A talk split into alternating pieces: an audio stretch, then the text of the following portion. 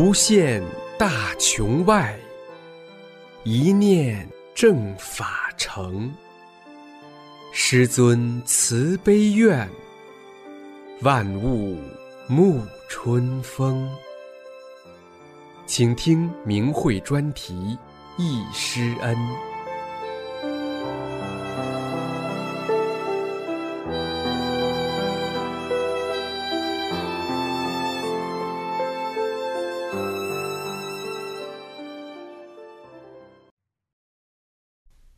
请听明慧忆师恩专题文章，回忆当年直接聆听师尊传功讲法的情景。作者：大陆大法弟子。文章发表于明慧坊，二零二零年九月十五日。我曾经有幸三次聆听过师尊讲法，五次见到师尊，二十七年来一直难以忘怀。现写出来与同修交流。第一部分。在贵州传法班上见证了大法的神奇。一九九三年八月十五号，贵州省第三期传法班在贵阳市开班。第一天，师傅在省政府礼堂讲法。由于来参加的人很多，而礼堂的座位又极其有限，在礼堂的两边、后面的过道上进门处都挤满了人，所以第二天就搬到了省青少年宫。这是我第一次有幸聆听师傅讲法，见到师傅。当师傅高大的身影、慈祥的面容出现在讲台上时，我感觉好像曾经见过师傅，感觉很亲切。我坐在会场中间靠前一些的位置上。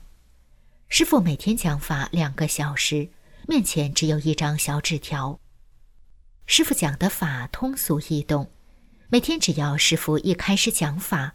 全场就一片寂静，学员们都被师傅的讲法所吸引折服。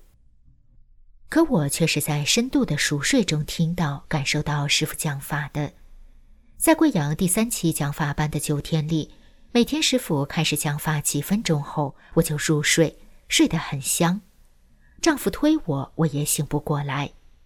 师傅讲完法后，我就醒过来了，而且精神特别的好。等到第二天师傅再讲法时，不一会儿我就又入睡了。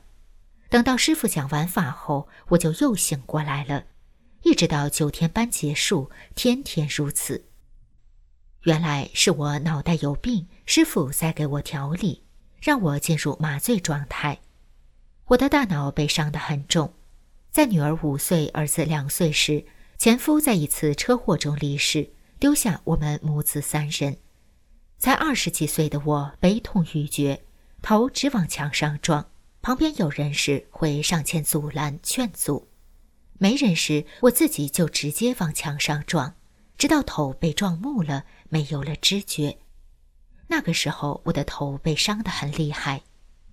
师傅为了我能够得法，又要给我清理大脑中的病，又要我能听到法，就让我深度入睡。就像师傅在《转法轮》中说的，但有的人听觉部分没问题，他睡得很香，可是却一个字没落，都听进去了。所以师傅讲的法，我全听进去了，仅举两例。那年的中秋节与阳历的八月十五日靠得很近，丈夫提出过节要买活鸡活鱼，我说，师傅讲了不能杀生。丈夫说：“我怎么没听见？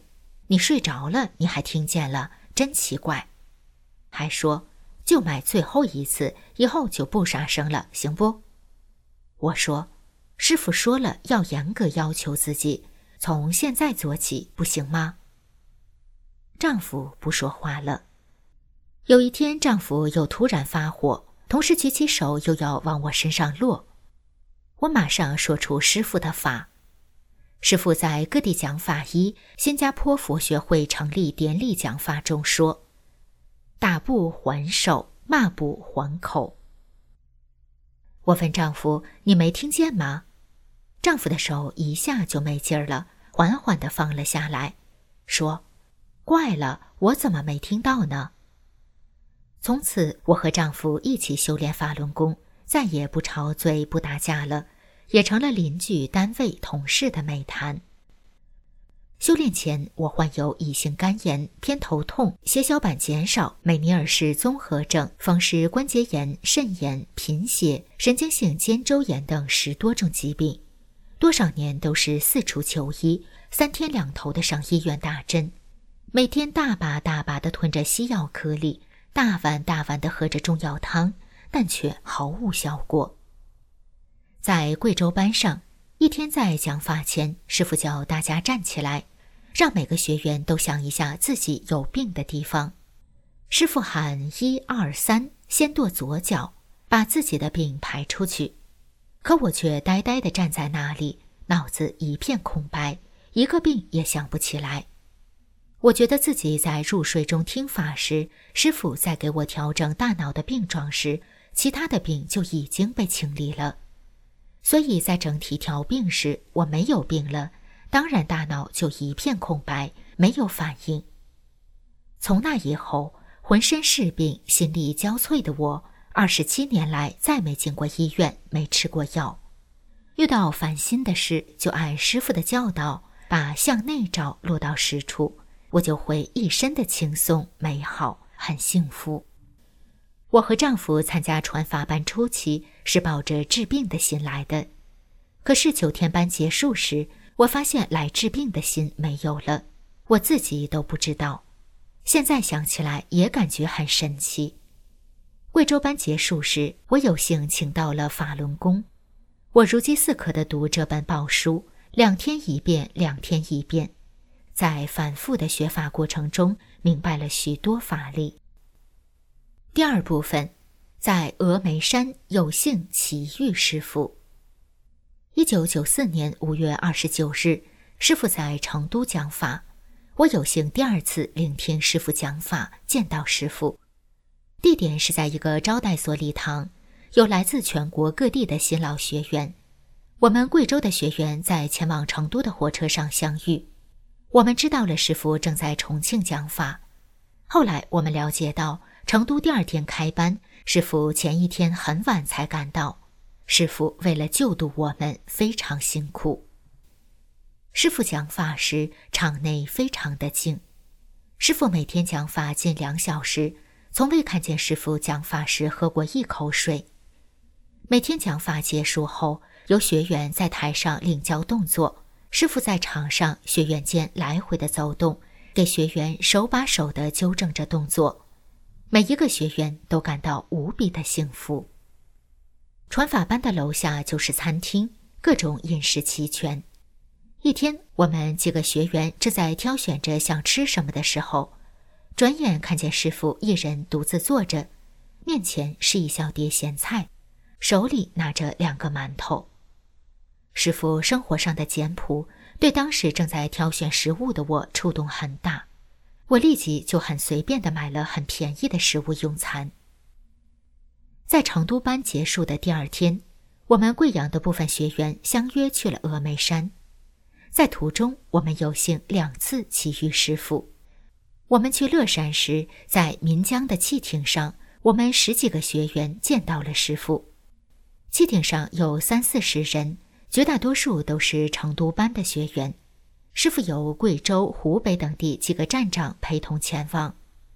我坐在快艇的后面，看见师傅站在快艇的最前头，一直在凝视着前方的乐山大佛。我们也远远地看见了乐山大佛。下山时，我在大伙儿的后面，有十几分钟的距离，在一段平整的石板路上，我遇到了师傅。师傅在前面一米半处稍停了脚步。那一瞬间，我又惊又喜，不知道说什么才好。师傅微笑着说：“大意是快下山吧，一路上很复杂。”我这才猛然惊醒，赶紧给师傅让路，双手合十鞠躬。当我向前迈出两步，再回头时，师傅已经不见了，太神奇了。第三部分，广州班级晨练中。看见满天的法轮。一九九四年十二月二十一号，广州传法班在天河体育馆举行。来参加班的有五六千人，还有好几百没买上门票的学员在体育馆外面等待。学员有来自香港的、台湾的，全国各个省市的，最远的是佳木斯、齐齐哈尔的，他们千里迢迢赶来广州聆听师傅讲法。广州班是我第三次有幸聆听师傅讲法，第四次见到师傅。我是边上的第二个位置，第一个位置是个北方男子，四十来岁，看样子是第一次进班。在师傅讲法的前几天里，师傅只要讲到社会上其他气功，讲到附体、宇宙语等法力时，就能听到从他嘴里不停地发出叽叽咕咕、叽叽咕咕的声音。师傅好几次向这边看，眼睛里发着闪光。我意识到师傅在一边讲法，一边在清除干扰。直到最后两三天，那北方男子才没有了怪声，他听得很入神。我们住宿的青云旅社，几十人都是法轮功学员，虽素不相识，却非常亲切，互相关心。第三天，得知去越秀公园集体练功的消息。次日，我们几十个学员早早赶到那里。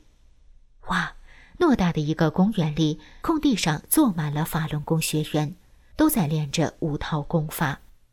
在大家去越秀公园晨练的第二天，在练功时出现了神奇的一幕：在公园的上空，在我们的头顶上，天空中出现了漫天的法轮，还有朵朵彩色的祥云。大大小小的法轮地色都是五颜六色的，金光闪闪的。有的法轮很大很壮观，有的法轮在自转着，有的法轮一边自转一边穿梭在上空旋转，在公园的每个角落都能看到，真是壮观极了。很多学员都在拍手欢呼。第四部分，在贵阳第五次见到师傅。一九九七年九月二十三号，我有幸最后一次见到师傅。从听到师傅来贵阳的那一刻起，直到见到师傅，直至师傅离开，我心里一直都很激动。师傅讲法一个多小时，学员们都在一直不停的流泪，我们都有一种能够荣幸的见到师傅的幸福感。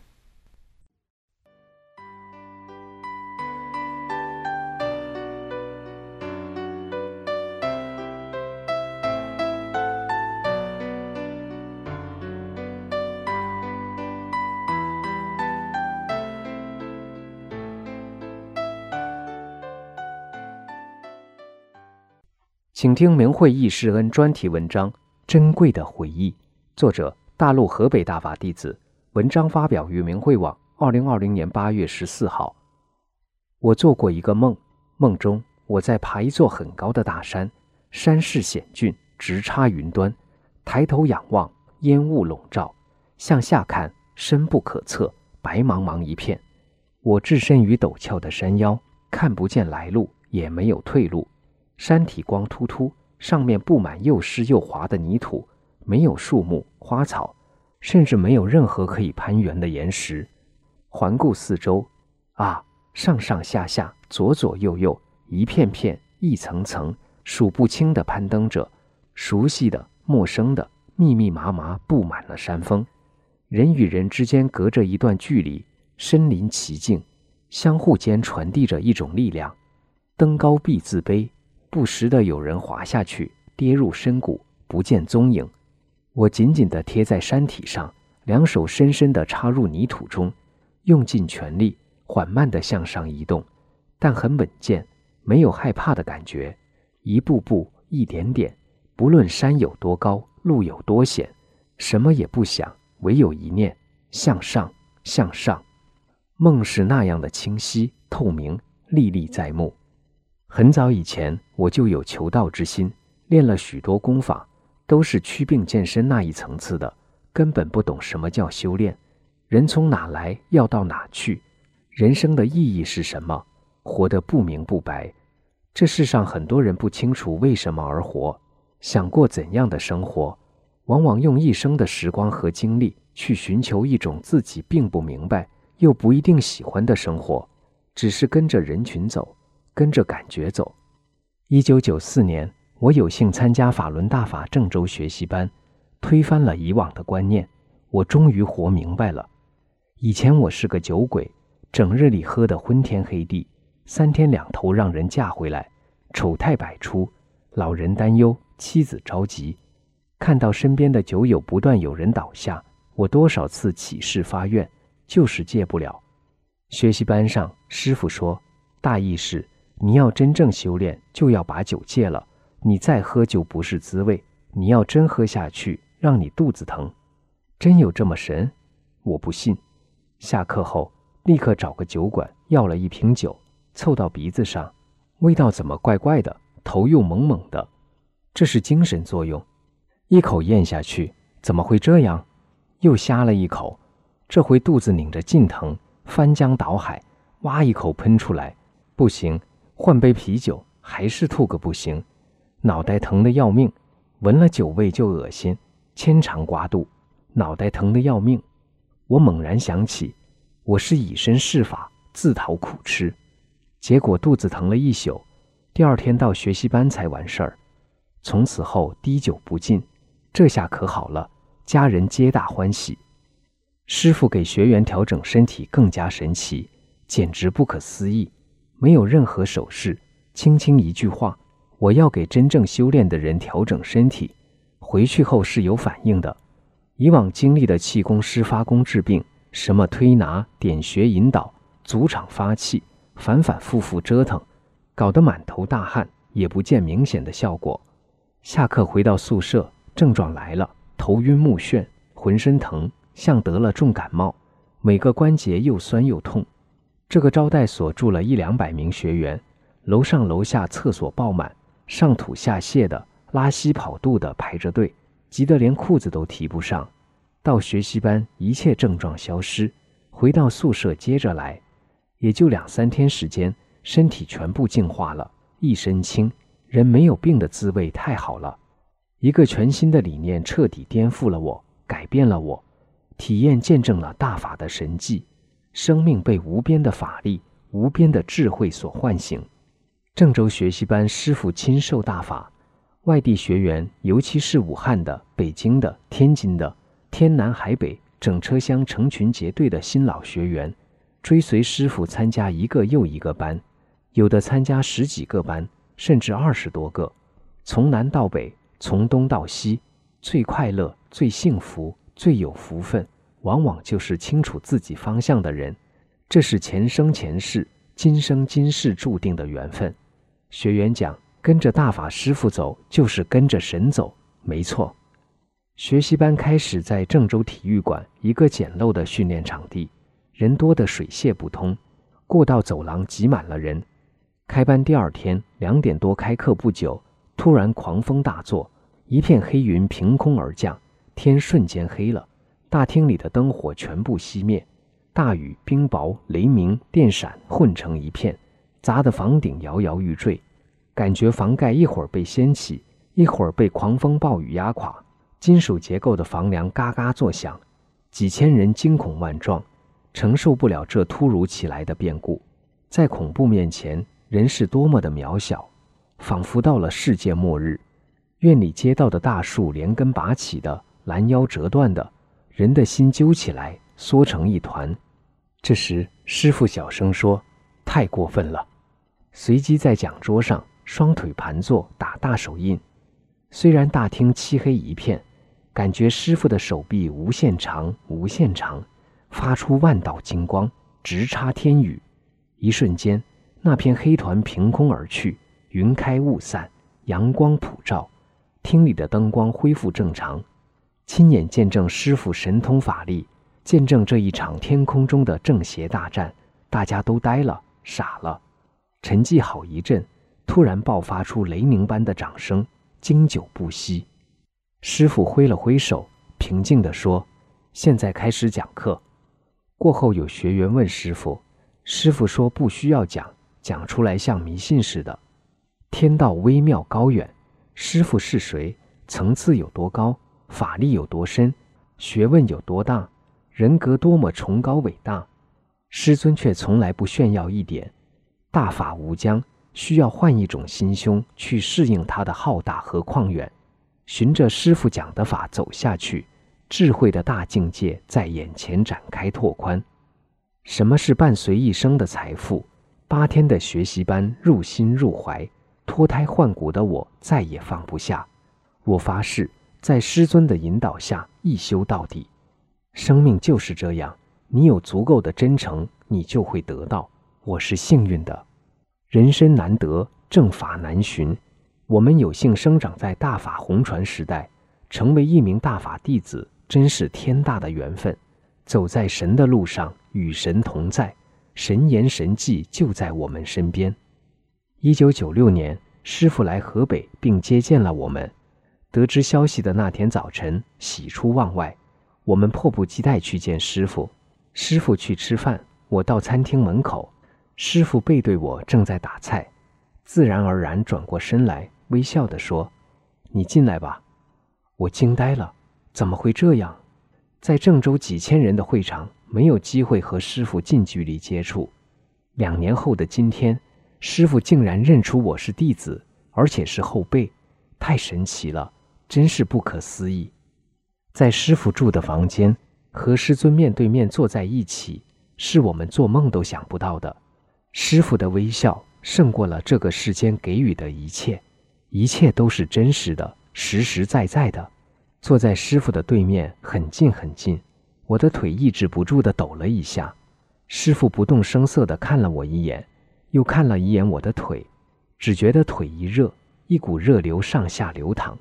说时迟，那时快，啪的一声脆响，周围的同修都听到了，错位的小腿骨归位了。这是前两天我执着于小盘，小腿骨掰的错位，还是由于执着心作祟，好面子，不知道怎么处置。今天，今天竟是这么大的福分，我的心激动不已，却是一句话也说不出来。也是我过于执着，太贪心。接见结束，走出房间时，我又厚着脸皮向师傅提出这两年一直折磨我尾驴冲关的问题。师傅没说什么。跟师傅一起来的老学员把我拉一边，你都是参加班的老学员，怎么能提这样的问题？走进电梯，正巧在师傅身边。师傅高大魁伟挺拔，在师尊身边，我自惭形秽，我像犯错误的小学生，羞愧悔恨，无地自容。这时不知什么原因，电梯出现故障，十几个人站在电梯里，静静的，谁也不说话。此时，我的全身发热，焦躁不安，衬衣被汗水湿透了。忽然，我的眼前浮现几行字，清清楚楚的。师傅在转法轮中说：“凡是练功时冲不过去关，气下不来时，我们找一找心性上的原因，是不是悟在哪个层次中时间太长了？应该提高提高心性了。你真正的提高心性的时候，你看它就能下来。”你一味的强调你自身功的变化，而不强调你心性的转变，它可是等着你心性的提高才会发生整体的变化呢。有如醍醐灌顶般，我恍然大悟。这时，百会穴突然跳了两下，一股沁人心脾的清凉的泉水一滴滴往下，通的一声，头脑一片通亮，过后一片空白。泉水沿着脉络流转，惬意。通畅、美妙、清爽，觉得全身血脉都在运转，通了。我像做了一场大梦。说了这么多，整个过程不足五分钟。这当口，电梯也恢复了正常。我一时不能自已，百感交集，激动、喜悦、感恩。谢谢师傅，这千载难逢的圣缘，我遇到了。我的眼泪默默的流淌。我得到的太多太多。施恩深重，施恩浩荡，我的心沸腾极了。辅导站站长提出和师尊合影，师傅同意后，站长去拿相机，去了好一阵。师傅在廊檐下耐心等待。身边的同修说：“师傅，他们这个执着心也得去呀。”师傅微笑不语。过了几分钟说：“照相机我看拿不来了，我们还是赶路，不再等了。”记住把我讲的转告学员，然后和我们一一握手告别。不一会儿，站长带着几位学员心急火燎，却两手空空跑回来。师傅已经走了。本来找个相机很容易，偏偏不遂人愿。回家取怎么也找不到。过后看见相机就在书橱上，怎么回事儿？这就是神话。我们过去所说的神话，就是神的故事。这就是同一天、同一地点，在我们身上发生的神的故事。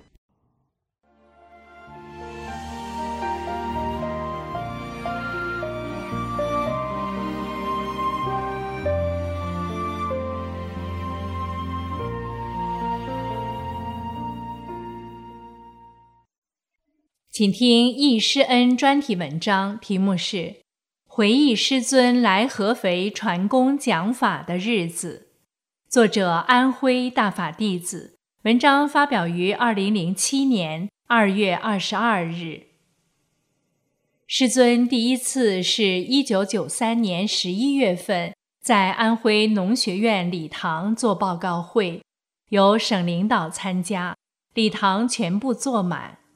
师傅叫大家站起来，放松放松，把左手伸向左方，手心向上。师尊用手一转法轮，问大家手心转不转？大家都一齐说转。师尊让大家用脚一蹬，帮大家治病。报告会结束后，大家报名参加学习班。我们第一期参加学习班。师傅要两张照片，一张用在结业证上。听气功协会工作人员说，从前来的气功师没有师傅这样认真，照片、结业证都是师傅亲手自己搞。第一期学习班在安徽省教育学院礼堂，参加人数六百人左右。听同修说，合肥才两百五十人左右。有芜湖市来的，也有跟师傅从外地来的。师傅第一天讲法，一看人太少，感到遗憾。师傅好像讲过了这样一句话，说过了这个村没有那个店。师傅没来前，也有某伪气功在合肥传了几个月，在农学院礼堂报告会。气功协会有人在外面散发法轮功宣传材料，他们不让发，最后请示气功协会某领导才同意。他们赠票给我，我参加了。我没有学那个功，那个伪气功没有多少人学。师傅来合肥，他就消失了。我本人也是个气功爱好者，因为年轻时身体不好。多种疾病缠身，医生专家也解决不了，吃药也伤害身体。最后我找气功师练功，我也练了几种功。开始练，身体是比以前好转。后来学的东西太多，就像师傅在转法轮中所说的，气功低层的功课，你学的再多，灌的再满，反倒对你越有害。你身上已经乱套了。我的脸色不好看，黑乎乎的。在第一学期学习班结束后，同修说我变年轻了，脸上变白了。我坐在第五排左右，我的悟性不好。第一次听师傅讲法，讲得很高，因为我受邪党几十年无神论教育和假气功的影响。使我半信半疑，心想从来未听过这么高的法理。师傅讲法时，没有一个人讲话，大家不时发出一阵阵掌声。外地来合肥听师傅讲法的，有男有女有小孩儿，他们讲来合肥沾我们的光，我们有福气得大法。我听师傅讲法第三天。我就跟老伴讲，今天我问问气功协会工作人员对师傅有什么看法。如果是假的，我们就不去了。我们一走进礼堂，有一位同修，他多年拄拐杖走路，因为他在气功协会工作，来个气功师他就学功，他的拐杖永远扔不掉。第二次我看他不拄拐杖，在礼堂门口走给我们看，我才相信是真的。回想师父千辛万苦度我们，我向师尊忏悔。学习班快结束了。师傅又给大家清理身体，叫大家站起来。我看师傅用手转来转去，最后说：“一股药味难闻，特别是常年吃药的人，从身体散发出来的药味。”师傅还说：“你们早放下，就不会有气味了。”大家都咳嗽，我咳嗽，呼吸都很困难。从来没有这样咳嗽过。我的悟性差。学习班结束，我跟同修切磋，同修都说法轮功好。我晚上回家练第一套功法：法轮大法、大圆满法。第一套功法口诀：身神合一，动静随机，顶天独尊。千手佛力，我的后背法轮旋转起来了，小腹部位有法轮感觉，马上就不咳嗽了，真神奇。第二次师傅来合肥，在省委党校，在一九九四年四月十五日，人数一千四百人左右，南京来参加学习班八十多人。有一个女同修，她腿不好，学习班快要结束了，师傅给大家治病，叫大家站起来放松，然后用脚一蹬地。那位同修一屁股坐在地上，爬起来腿就好了。他赶快跑到讲台上跟师傅讲，给大家讲他来合肥几天前在家里坐立不安，他家里人不要他来。又没有路费钱，结果说到黄山旅游，他才一起坐上来合肥的车，他高兴极了。某大学一位老师说，他练尾气功，有一天看到从空中飞来一团亮光到他头上，从那天起，突然间说一种莫名其妙的话，嘀里嘟噜的。也有同修看见他在公园经常讲什么。师尊第二次来办班，他出差正好赶过来参加学习班。他看见师傅时说：“师傅，我要学法轮功。”师傅说：“你真学法轮功吗？”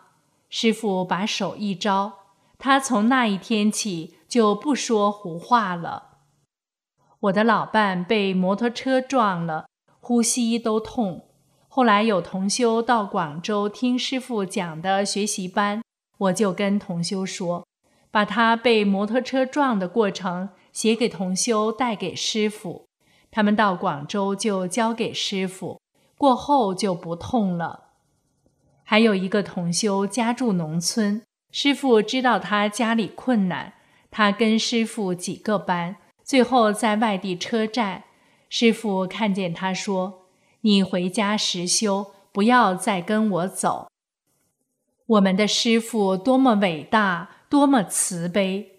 同修们只要看见师傅，就把师傅围住。师傅微笑着，好像讲过这样一句：“你们在街上这样，人家看见不知道是什么事。”那种场面是我从没有见过的热烈和激动。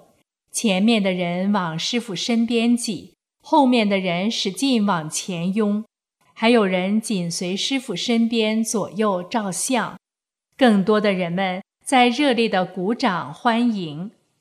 我们的恩师把无数从死亡线上挣扎和在病魔之中的同修解脱出来了，我也是其中一个。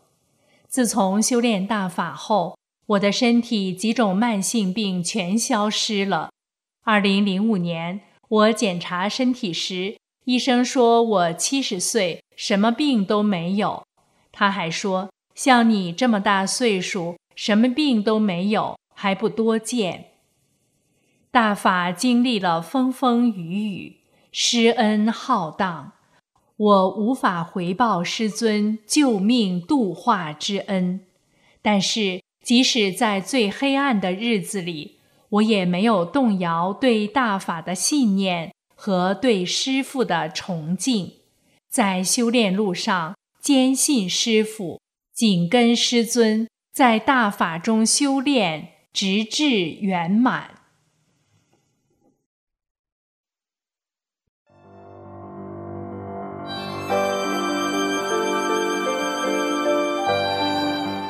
这一期的易师恩就到这里，谢谢收听。